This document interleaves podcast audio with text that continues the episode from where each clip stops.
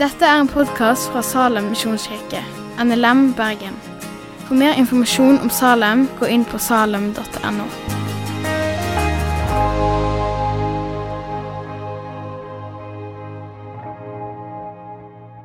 Vi skal, eh, Som Tryggvald har sagt, så er disse studentene våre på Høstviken i Setervika. Og eh, temaet for denne søndagen er bønn. Eh, og dette temaet fikk jeg jo ja, sikkert tilbake i mai eller slutten av april. eller jeg husker ikke helt, men det iallfall før sommeren. Og jeg tenkte når jeg fikk temaet at ja, hva i all verden skal en si om bønn som ikke alt er sagt? Bønn er jo en naturlig del av et kristenliv. Og at bønn er viktig, det vi, kan vi veldig fort bli enige om. Og vi ser det i Guds ord, at bønn er noe som er en del av det åndelige liv. Men så vet vi òg at bønnelivet kan fortone seg ganske ulikt fra person til person. Det er de som har stor grad av disiplin i sitt bønneliv. Står tidlig opp, Eh, å møte dagen i bønn til Gud. Andre har den stille timen på, eller tida på kvelden. Men for andre så er det med bønnelivet kanskje litt mer flyktig. Det er ikke så lett eller enkelt å få prioritert denne stilletid, selv om vi vet at det er òg en god disiplin å ha i sitt åndelige liv. Det som jeg har lyst til å gjøre i dag, det sier noe om at jeg begynner å bli en gammel mann, det er at jeg har lyst til å ta dere med i ei reise inn i mitt eget bønneliv. Eh, hva bønnelivet og livet med Gud har lært meg om bønn. Kanskje noen av dere har vært med på sånne, i sånne settinger der du forteller din livshistorie og din troshistorie, og her kommer altså min bønnelivshistorie. Og Det er ikke poenget med det jeg skal si i dag, at sånn skal det gjøres, dette er malen for det gode, sunne bøndeliv. Langt ifra. Men eh, kanskje kan noe av disse læringspunktene som jeg har fått i mitt liv, være til inspirasjon for deg. Og kanskje kan det skape noen tanker og refleksjoner i ditt liv som kan være til hjelp for deg i ditt bønneliv. Så altså et vitnesbyrd ifra min side. Sånn at eh, de ikke forventer en stor utleggelse her, men at det blir ei reise der jeg tar dere med litt inn i hva har Gud lært meg gjennom livet mitt om bønn. Jeg vokste opp inne på Løfastrand. Sikkert ikke så mange her som vet hvor det er, men det er i nærheten av Rosendal. Ei lita bygd der aktivt åndelig liv var lite synlig. I alle fall for meg som en liten gutt. Eh, det var ikke noe som eh, Sånn som her i Salem, f.eks. Det hvis det knapt eksisterte. Det var ikke noe bedehus. Det var av og til arrangert møte på skolehuset eh, noen ganger i året. Eh, utenom det så var det søndagsskolen som eh, naboen drev på skolehuset, som var tilbudet for oss barn. Som tenåring så var det ingen tilbud av åndelig karakter.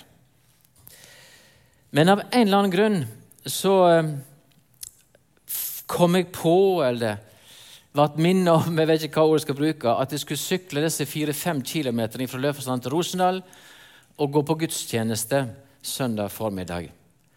Og Jeg setter meg alltid på galleriet. Der var det ingen andre. Og der hørte jeg på sokneprest Sjursen. Eh, jeg husker jo ikke mye av det han sa.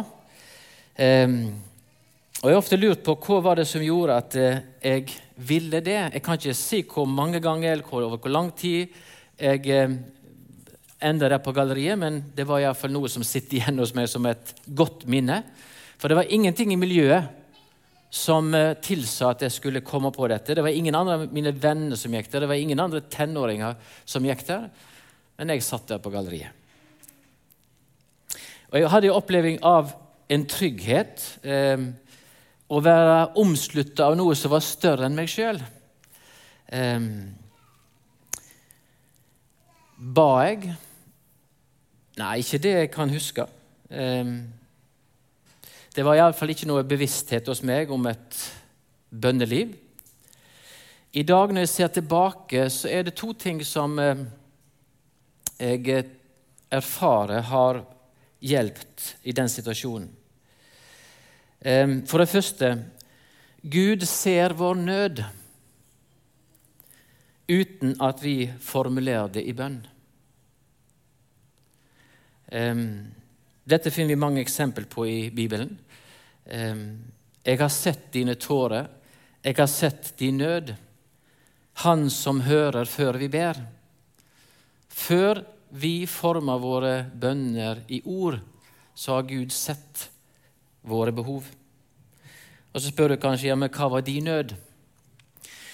Ja, vi skal ikke dramatisere det mer enn nødvendig, men jeg var minst i en søskenflokk dette vet en, en del av dere, av seks søsken.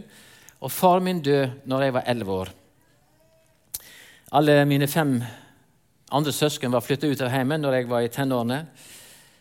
Eh, og det er først nå, etter at jeg sjøl har fått barnebarn som er elleve år, at jeg kanskje forstår hvor liten og sårbar jeg var.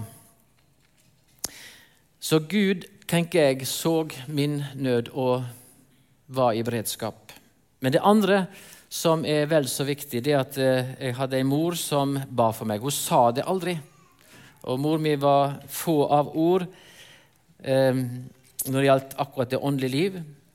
Men jeg tror og vet at hun ropte til Gud mange ganger for denne ungdommen som sjøl ikke helt visste hvor han hørte hjemme. Rotløs og litt rådvill i en verden.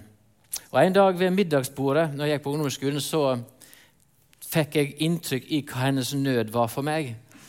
Um, og Da sier hun Vi satt og spiste middag, og så sier hun Eivind, det er ingen som kan tvinge deg inn i himmelen, men du vet veien.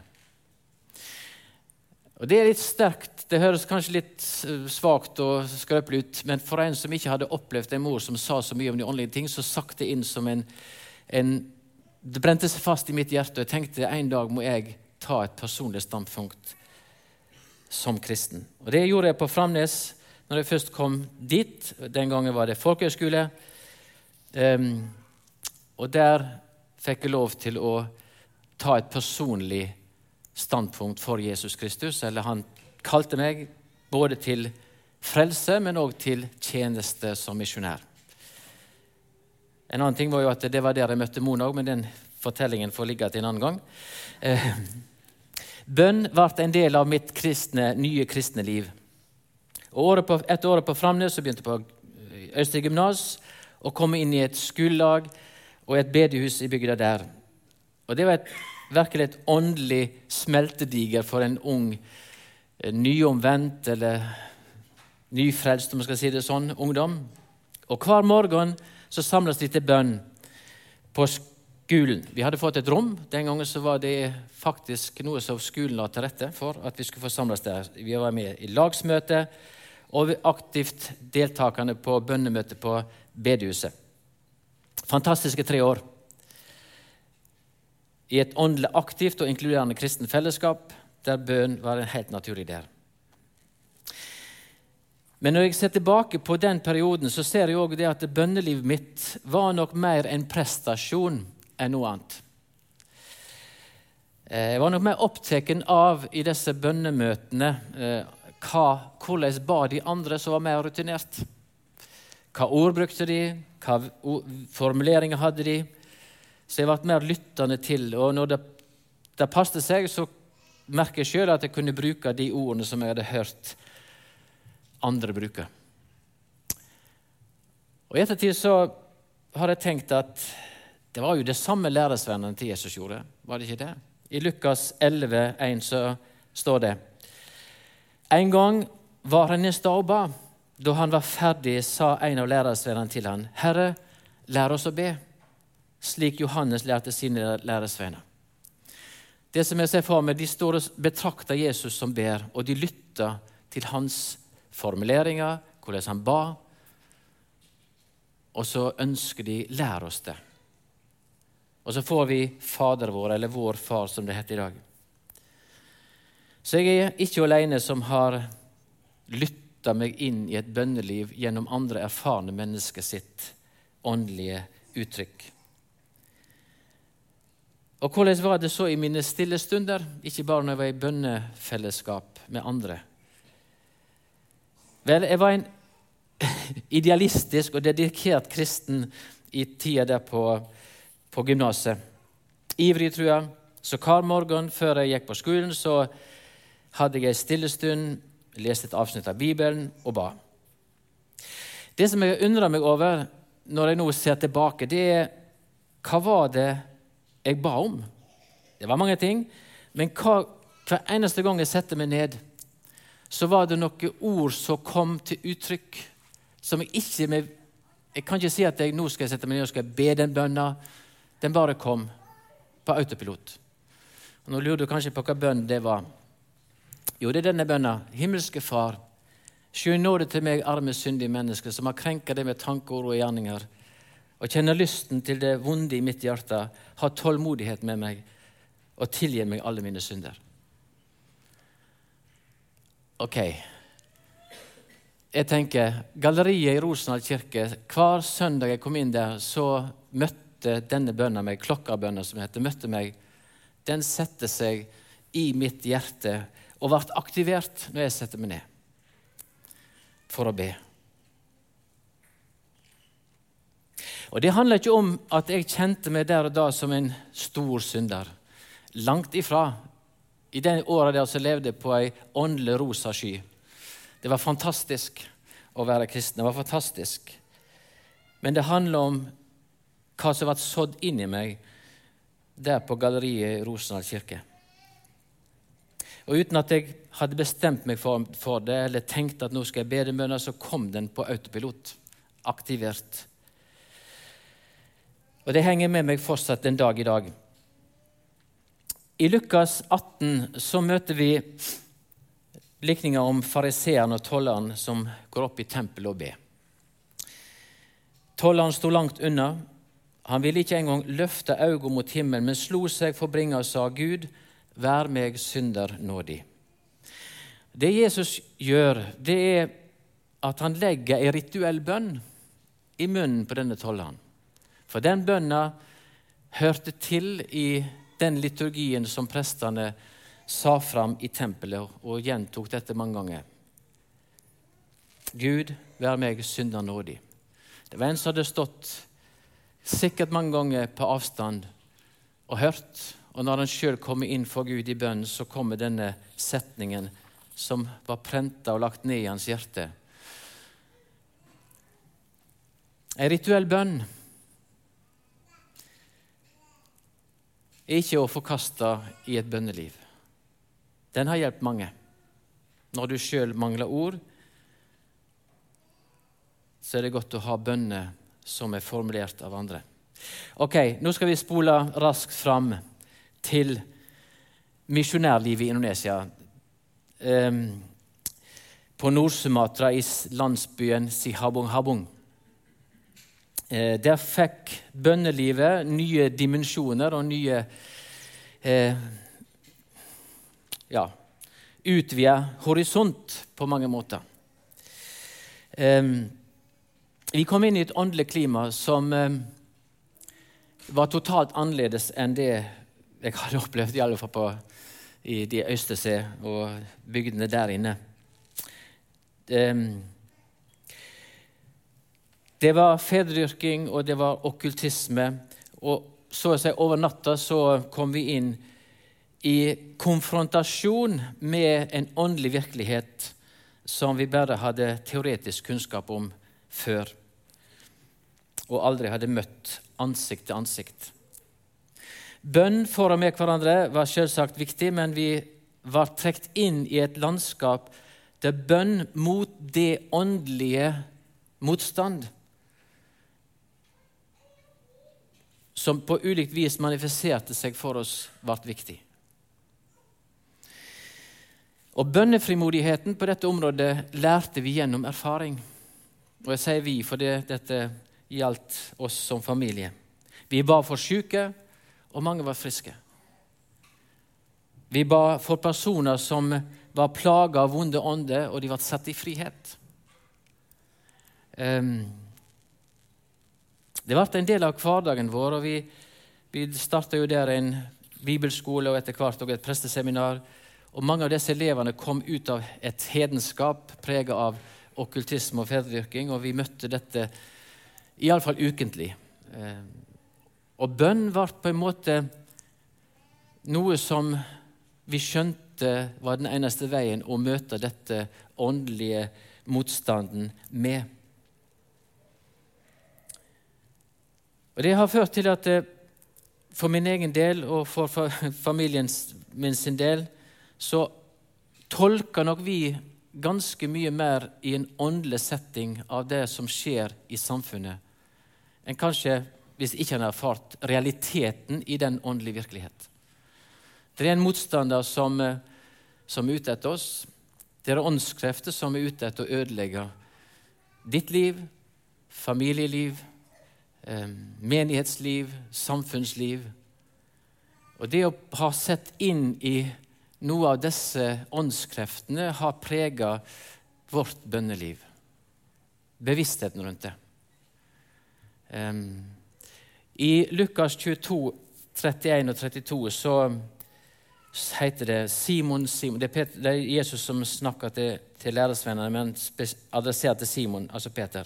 Simon, Simon, Satan krevde å få sikta dykk som kveite, men jeg ba for deg at trua di ikke må svikte. Men når du en gang vender om, så styrk brødrene dine. Hva er det som skjer?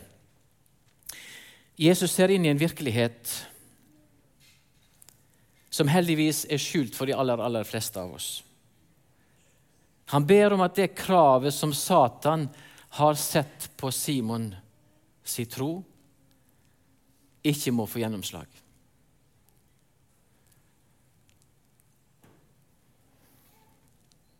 Det er så mange forhold i livet som kan knekke de og mi tro. Tenker vi da at eh, det handler om en aktiv åndskraft som prøver å ta ifra deg det du har fått?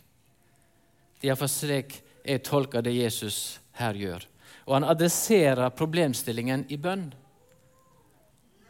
Ber, og han vender seg til Gud og ber om at den, det kravet som den onde hadde på Simon, ikke måtte få gjennomslag. Og I Fader vår så har Jesus lært oss før oss ikke inn i freisting, men frels oss fra det vonde. Den virkeligheten som Jesus åpenbarer, og som han så inn i, den er der, selv om jeg får si en heldigvis de aller fleste av oss ikke ser den med våre blotte øyne. Og Denne erkjennelsen har prega vårt bønneliv.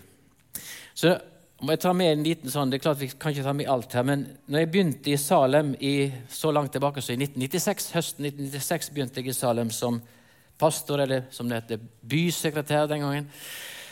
Eh, ja, jeg har hatt mange titler. Bysekretær, forsamlingsleder og etter hvert på, iallfall internt her, pastor.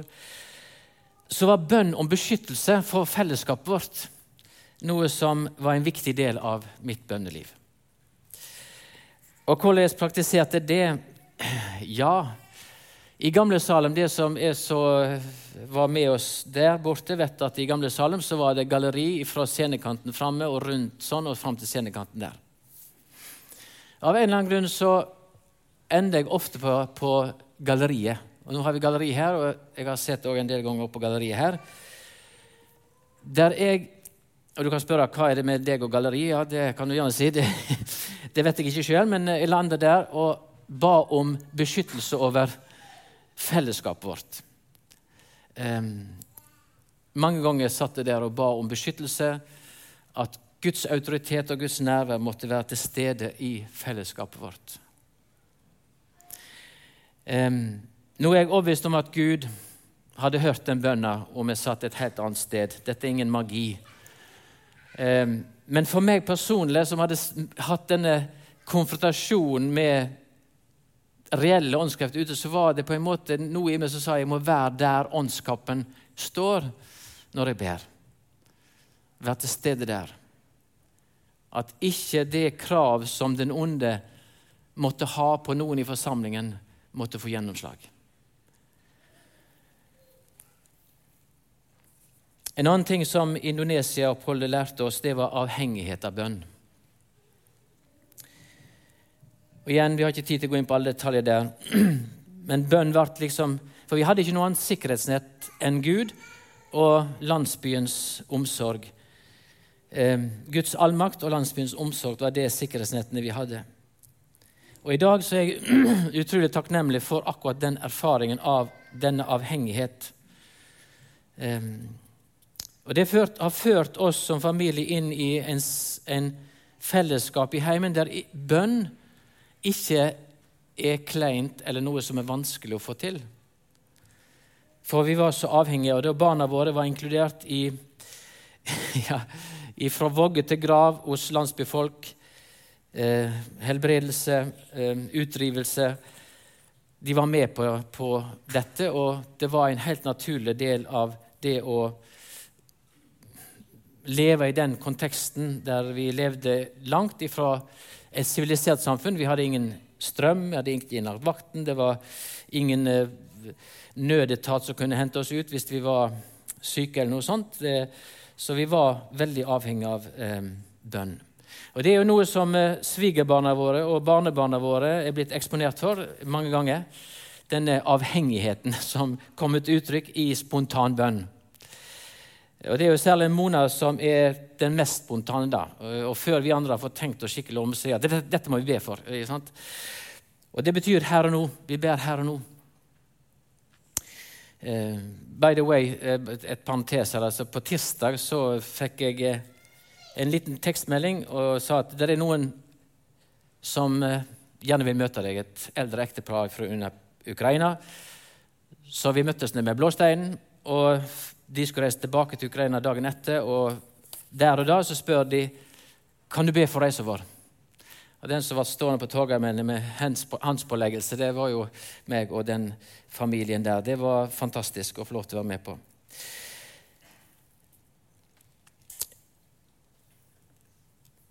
Hva andre ting eh, har livet lært meg om bønn? Det er to ting til, så de kan eh, vite hvor, hvor jeg ligger i landet. For en del år siden så, så var jeg på lederskapskonferanse i Royal Albert Hall i London. Det er arrangert av uh, Holy Trinity Brompton. Og Der var det en broder Luigi, eh, munk fra eh, Italia, som hadde intervjua Nikki Gamble om sitt bønneliv. Eh, og Det som traff meg, var hans måte når han gikk inn i sin stilletid og som jeg har praktisert etterpå. For han sier for Nikke Gabriel spør hvordan, hvordan begynner du når du går inn i, i lønnkammertiden din. Hva, hva, du, hvordan kommer du i gang? Og Da sier broder Luigi det første jeg gjør, er å snakke ærlig med Gud om hva jeg føler. Ja, han her, Hvis jeg ikke husker feil, så drev han underviste ved et universitet i, i Roma. Og Han har travle dager. Han... Eh, hadde masse på agendaen. Så det første sier han ofte, det første det er å fortelle Gud dette opplever jeg som bortkasta tid. Jeg har egentlig ikke tid til dette, men jeg vet det er viktig, og jeg vet at vi skal snakke sammen, men jeg har ikke tid til det. Men så hadde han òg andre ting som han tok tak i, men det var særlig denne ærlighet om hva jeg føler, som eh, traff meg. Og Jeg skal prøve å forklare hva som åpenbærer seg for meg i mitt bønneliv da. Når Gud skapte oss, så skapte han oss nakne. Uten skam. Men det er ikke bare en fysisk nakenhet, men det er en sjelelig nakenhet. Um, det var ingenting å skjule. For synd hadde ennå ikke gjort sin skade. Det var ingenting som het skam. Det var ingen følelser, det var ingen tanker, det var ingen fantasier, det var ingen meninger å skamme seg over, eller handlinger å skamme seg over. Og faktisk heller ikke hvordan du så ut. Etter syndefallet så skjer det noe med øynene våre, og det skjer noe med sjelen vår, som har behov for å skjule seg. Og det er nødvendig. Ehm, for jeg vil si, jeg er veldig takknemlig for at eh, det sitter her i dag med klær på. Og jeg er glad også for at det ikke ser direkte inn i sjelslivet ditt. For vi vet at det som rører seg her inne av tanker, følelser, det ønsker vi å ha skjult. Men det som er problemet for oss som kristne, det er at vi tar denne holdningen med oss inn i møte med Gud. Og for å si det litt sånn direkte Gud ønsker å møte deg naken. Og Det har vært en utrolig frihet i mitt bønneliv. Tale sant om hva jeg føler innenfor Gud, for Gud vet det. Så jeg trenger ikke skjule min skam bak fromme ord. Jeg kan tale til Gud med sann erkjennelse hva jeg virkelig føler. Og når Gud spør Adam 'Hvor er du?' Så spør Gud i dag 'Hvor er du?' Hvordan er din sjels liv? Og Vi har mange eksempel på den ufiltrerte bønn i Guds ord. Vi har jobb som forbanna dagen han er født. Vi har klagesalmene, vi har hevnsalmene, som er jo ikke særlig fromme i sitt uttrykk. Og Vi skal lese fra Jeremia har òg en ufiltrert, kall det gjerne bønn, klagebønn, innenfor Gud.